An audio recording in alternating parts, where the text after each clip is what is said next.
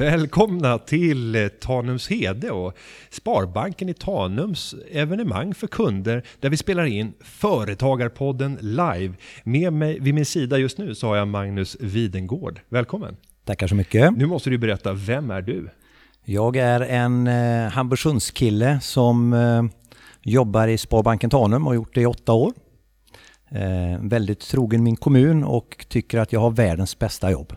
Och som företagare så vet jag, jag var själv inblandad i, i förhandlingen när jag sökte finansiering till mitt bolag för ungefär ett år sedan.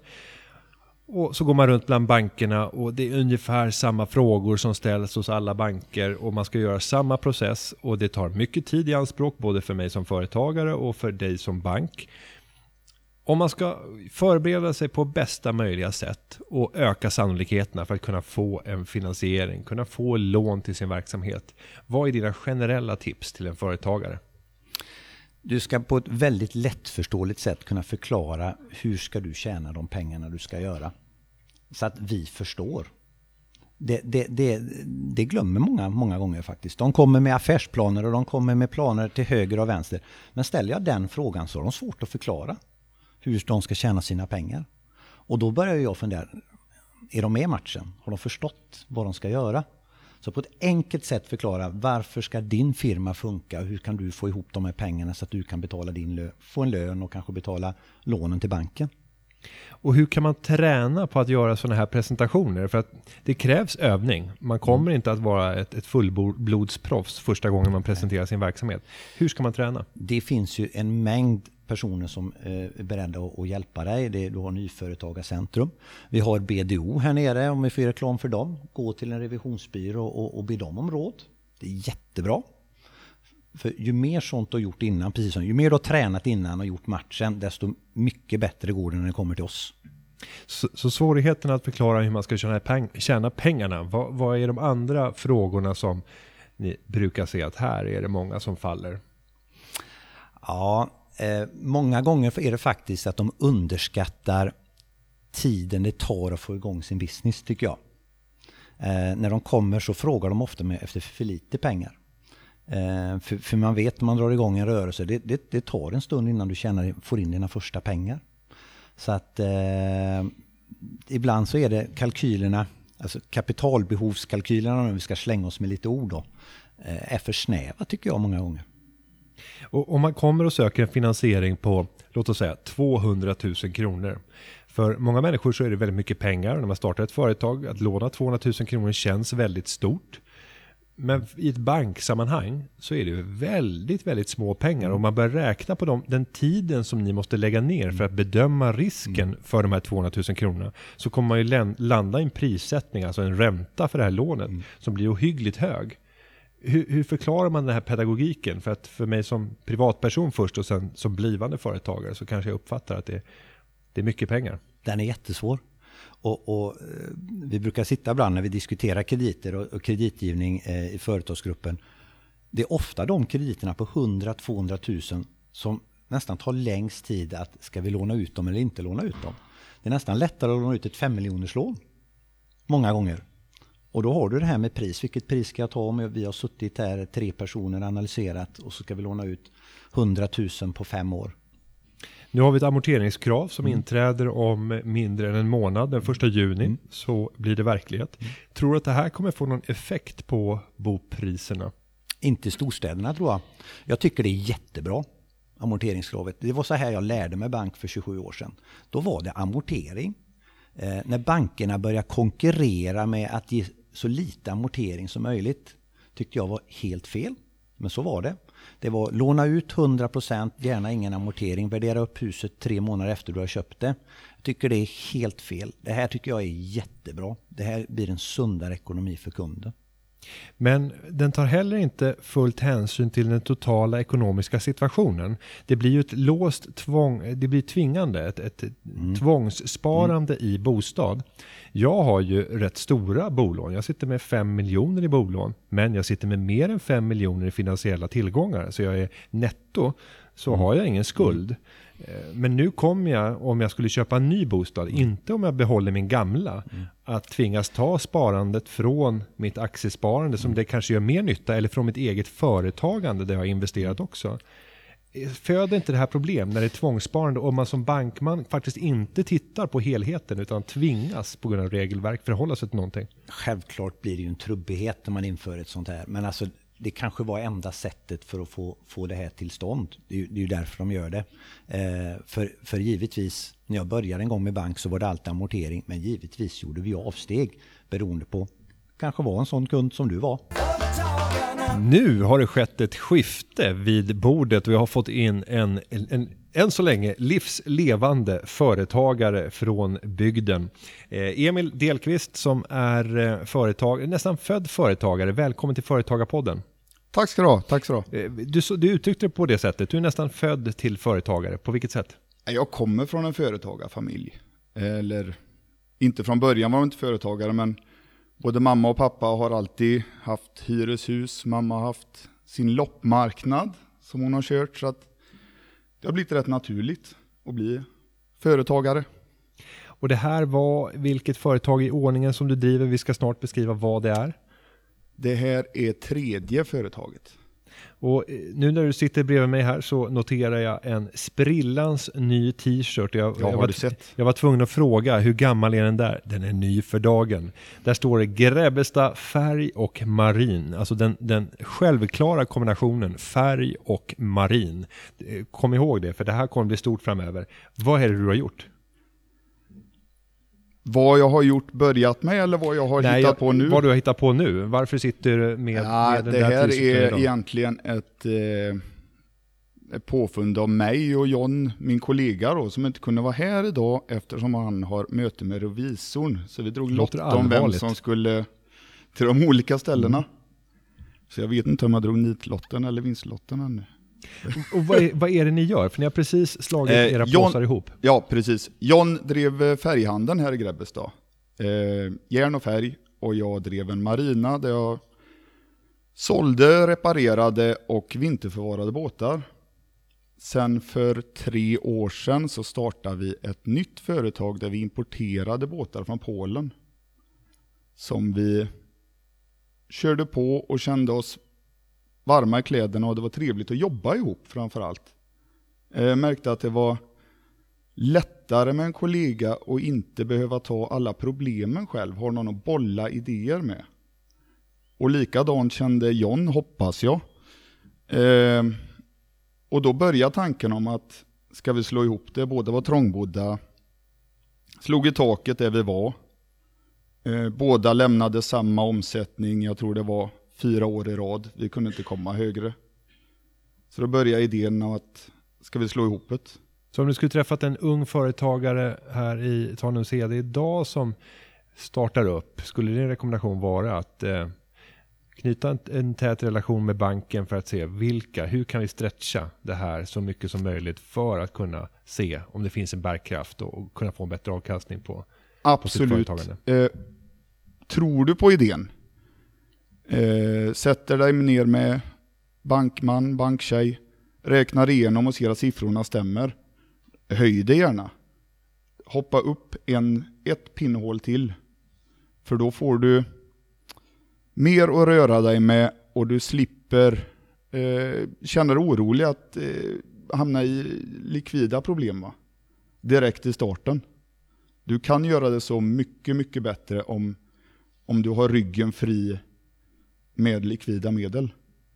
Och, och nu har ni gått samman och eh, ni valde att göra en breddning, vilket också har inneburit eh, stora investeringar. De största investeringarna ni kanske hittills har gjort. Mm. Ni har byggt ut eh, för att kunna eh, ha både järn och eh, el och, och, och hela det du, du presenterade. Hur presenterade ni det här för banken och, vad var det som gjorde att ni har kunnat få den finansiering som behövdes? Nej, men då får jag ge den lokala banken beröm då. Jag kan ju inte ge dem beröm för räntesatserna här på men, Men, men, det kan Men- vi ta en diskussion om Ja, sen va? ja. men det var ju det enkla, det var ju det spank, sparka in dörren på Magnus kontor. Mm. Hej. Nej, så eh, skoj. Men eh, precis som han sa, han ville ha en kalkyl på hur det fungerar. Eh, hur vi hade tänkt oss. Och vi har blivit jättebra bemötta, det har bara fungerat. Och hur kändes det för dig som är en försiktig general att eh, ta de här lånen för att satsa? Ja, det var, det var skakis. Bromsen var- slirade. Ja, skojar du? Ja. Men, eh, men med facit i hand så är det ju, om man ska leka med siffror, så ett av bolagen, jag tänker inte säga vilket, årsomsättningen på det, det gjorde vi på en vecka nu. Oj.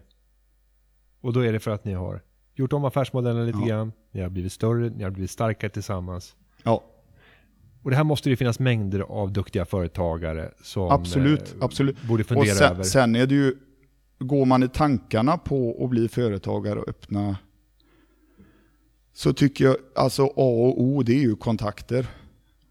Eh, prata med andra företagare. Skaffa dig, all, sug åt dig precis all information. För du kanske inte kommer upp i det med en gång, men det kommer alltid någon gång under resans gång så har du, aha, han har varit med om det. Jag ringer han och hör hur han gjorde. Eh, det sitter ju redan folk med facit i hand, så ring dem och hör. Mm. Har du några ögonblick i livet där du faktiskt har liksom testat på att försöka njuta av det där? Se, segerns sötma, det ljuva livet, dolce vita. Jo, jag känner igen mig mycket väl. Jag har haft bilar, båtar, allt som jag ville ha. Men så märkte jag att den gången som jag verkligen blev lycklig, då jag gick igång och jag mådde bra, det var när jag nollade checkkrediten. Det var den stora lyckan. Det var, alltså jag mådde Ja. så jädra bra. Det slog allt annat. Så tänkte jag, det där måste jag ju testa. Det där måste jag göra fler gånger. Så, och då när man har nollat, då måste man ju bygga mer minus igen för att kunna komma upp till noll. Så det är aldrig mer minus där nu, är det bara plus där. Ja. Och det är ju en, eh, det slår ju vad som helst. Det, det slår till och med den Lamborghini du drömde om. Nej, och, och jag ser, ser tillbaka på min egen far. Jag kommer ihåg när vi kom hem till min farmor, hans mamma. Och han berättade, det här var en högtidsstund. För han skulle berätta att han hade betalt av alla lånen på huset. Det var, det var ett stort ögonblick och familjen skulle åka över och berätta. Och farmor var rak som en fura i ryggen när hon såg sin son som precis gav det här beskedet. Men idag så skulle jag ju bara skaka åt mina barn. Nu, nu är de fem år så jag skulle bli ganska orolig om de hade tagit bolån. Då, men fem och tre. Men om, om de hade varit 20 år och sen så kommit och sagt att jag har betalat av bolånen eh, när de var 35-40 år. Så hade jag skakat på huvudet och sagt Vad har du gjort mitt barn? Har du gått och amorterat av bolånet istället för att förverkliga dina idéer? Investerat i dina idéer och försökt skapa företag? Eller investerat i andras idéer som kan lösa problem som kan ge dig en avkastning? Hur tänker du kring den här förskjutningen som jag tycks se i alla fall mellan två, två generationer, de som är födda efter, från 70-talet och framåt, där sk- skuldfrihet är inte längre en dygd. Ja, jag, jag vet ju, när jag var liten då fick vi, det var ju mamma och pappa, vi fick ju sparbankböcker vi skulle gå och spara i. Vi hade spargrisar som bankerna delade ut. Det var vissa spardagar vi träffades. Jag vet inte vad spardagarna är nu Magnus. På hösten är det spardagar, ger Magnus besked om. nu. Eh, så Alla dagar är kla- spardagar. ja, Ja. helt klart är det annorlunda tänk. Det är, det är inte snack om saken. Men det är ju generationsskifte, det är, inget, det är så. Det är olika tänk, det är ta för dig mer. Eh, det, det är inget farligt om du felar heller. Det var ju en jättegrej för att han har gått i konkurs. Ja, visst är det förskjutning där Ja, också? herregud. Och, och att det är positivt och där vi har börjat få mer av den amerikanska mentaliteten där man snarare tittar på en person som har misslyckats och säger det Precis. där är bra. Ja. Då kommer du förmodligen aldrig göra om det misstaget. Den tillgången vill vi ha in i företaget. ja. Jag tycks mig märka, och du säger samma sak, Mm. att det är mer respekterat idag. Absolut, gå tillbaks någon generation, det var ju, det fick ju inte pratas om. Nu är det i stort sett att, eh, jag, nej jag fixade inte och jag hade inte likvida medel så att Jag fick sätta det i konkurs, men jag lärde mig mycket på det. Och oftast, alltså de drar ju vidare de här folken. Det är ju så jädra duktiga folk. De har ju den glöden. De, det är väldigt få som jag träffat som har gått konkurs och inte gjort något mer. Jag kastar in handduken, det, jag tror inte jag kan nämna, nej. De får energi, Ja, på något revanschlusten. jädra sätt alltså. Mm. Jag vet inte var, hur eller varför eller, men det är i en. Det, det, det är den här gnistan. Och om vi nu tittar på vad som gjorde att jag engagerade mig i Företagarna så är det ju viljan att förbättra förutsättningarna för Sveriges företagare att bli framgångsrika. Och, och när man säger framgångsrik så är det, tycker jag, någonting som är högst individuellt. Det är subjektivt för var och en. Vad är framgång? För en person så kan framgång vara att få föra vidare sitt företag i ytterligare en generation. För någon annan så handlar det om att kunna anställa medarbetare på orten där man bor så att det finns arbetstillfällen för nästa generation. Och för någon så kan det vara ett nödvändigt företagande för att kunna få den försörjning som man behöver. För att man kan inte komma in på arbetsmarknaden. Eh, vi kan ta många kulturyrken, vi kan ta en fotograf. Försök få ett jobb som fotograf. Du tvingas in i ett företagande. Och det kan vara en företagare som eh, vill ha roligt. Det kan vara någon som vill göra en försäljning av företaget och tjäna mycket pengar. Men oavsett vilka bevekelsegrunder man har med sitt företagande så vill jag att företagarna ska kunna vara med och hjälpa den, alla de här typerna av företagare att kunna bli mer framgångsrika. Och om jag ställer frågan till dig, vilka är de främsta hindren som begränsar den framgång som du vill se för företaget framöver? Vilka är de kritiska momenten om du skulle peka ut några saker i din verksamhet eller i, i kulturen eller i det näringsklimatet eller, eller annat? Egentligen ser jag faktiskt inga hinder. Alltså Sverige är ett fantastiskt företag, eller land, att vara företagare i. Jag har kompisar som har företag i andra länder. Alltså det är, det är jobbigt. Vi har, det, vi har en guldkant här. Vi förstår inte hur bra vi har det. Eh, så jag ser bara möjligheter. Jag ser inga hinder. Det, vi har det jättelätt här jämfört med resten av närvärlden att driva företag. Inget snack.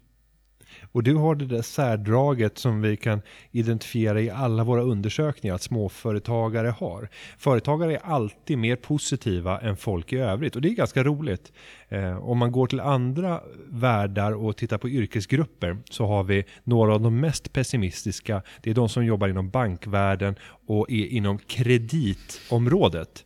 Eh, kreditsidan på banker är alltid väldiga pessimister. Optimisterna inom bankerna återfinner man på aktiesidan och de som jobbar med möjligheterna. Men när vi gör undersökningar där vi ställer frågor om framtiden och vad man tror om framtiden till småföretagare, då tvingas vi alltid korrigera ner värdena. För att vi ser att småföretagare är alltid mycket mer optimistiska, tror mycket bättre om framtiden och om Sverige än vad som faktiskt blir utfallet. Och kan det vara skälet till att man faktiskt har valt att, att starta ett företag? För en sann pessimist skulle ju aldrig någonsin komma på idén att starta ett företag. Det där går aldrig. Nej, det, du, du har nog helt rätt. Alltså det, du, du måste vara optimist. Annars, eh, annars funkar det inte.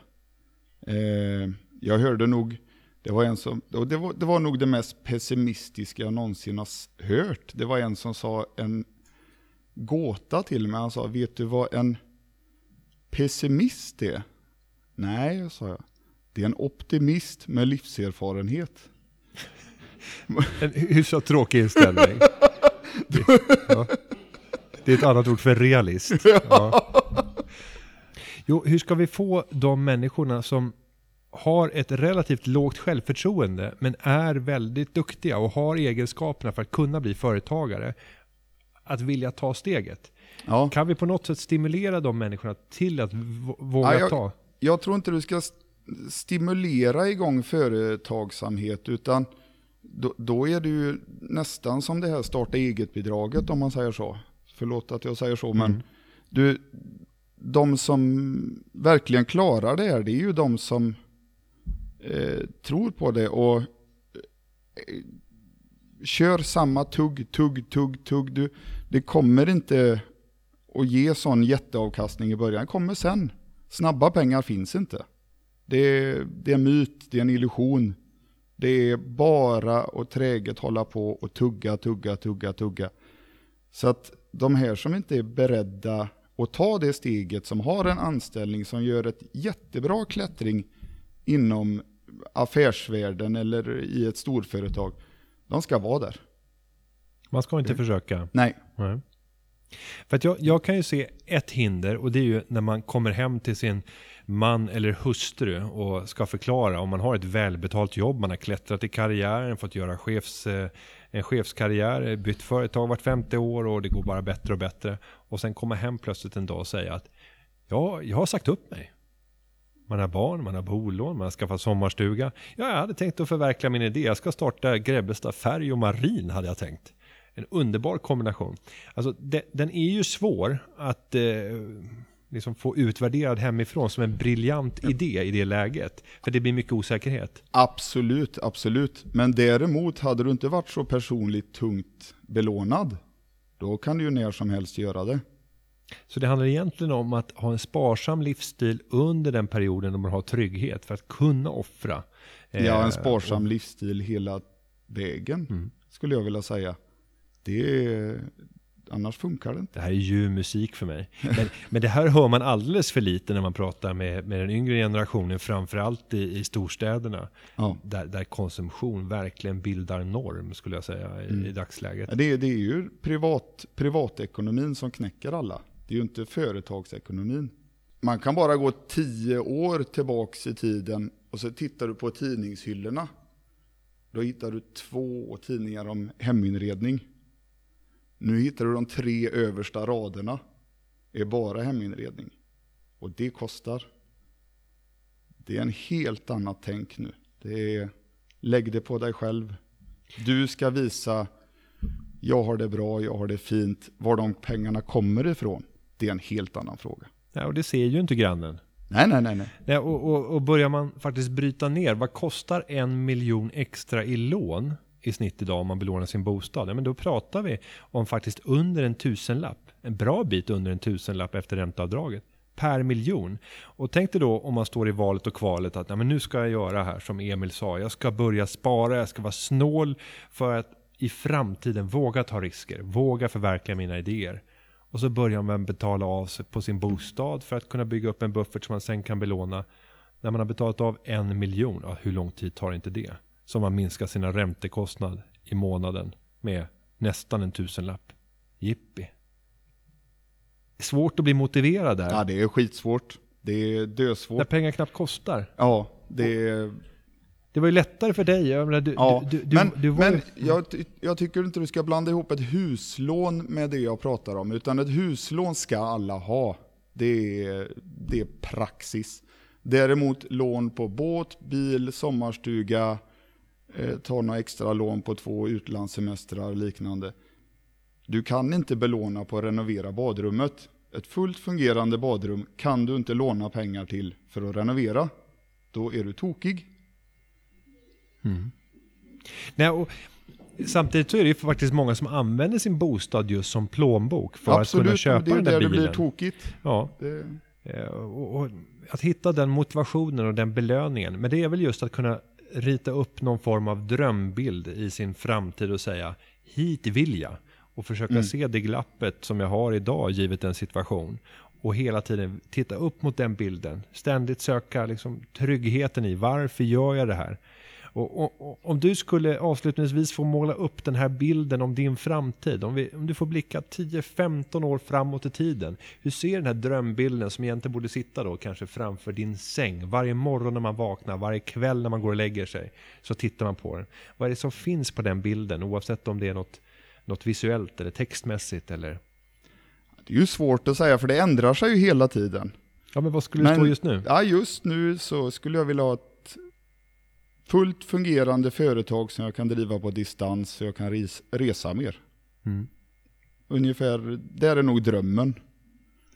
Något självgående företag, vilket alla vet att inte det fungerar, men där är tanken, illusionen, drömmen.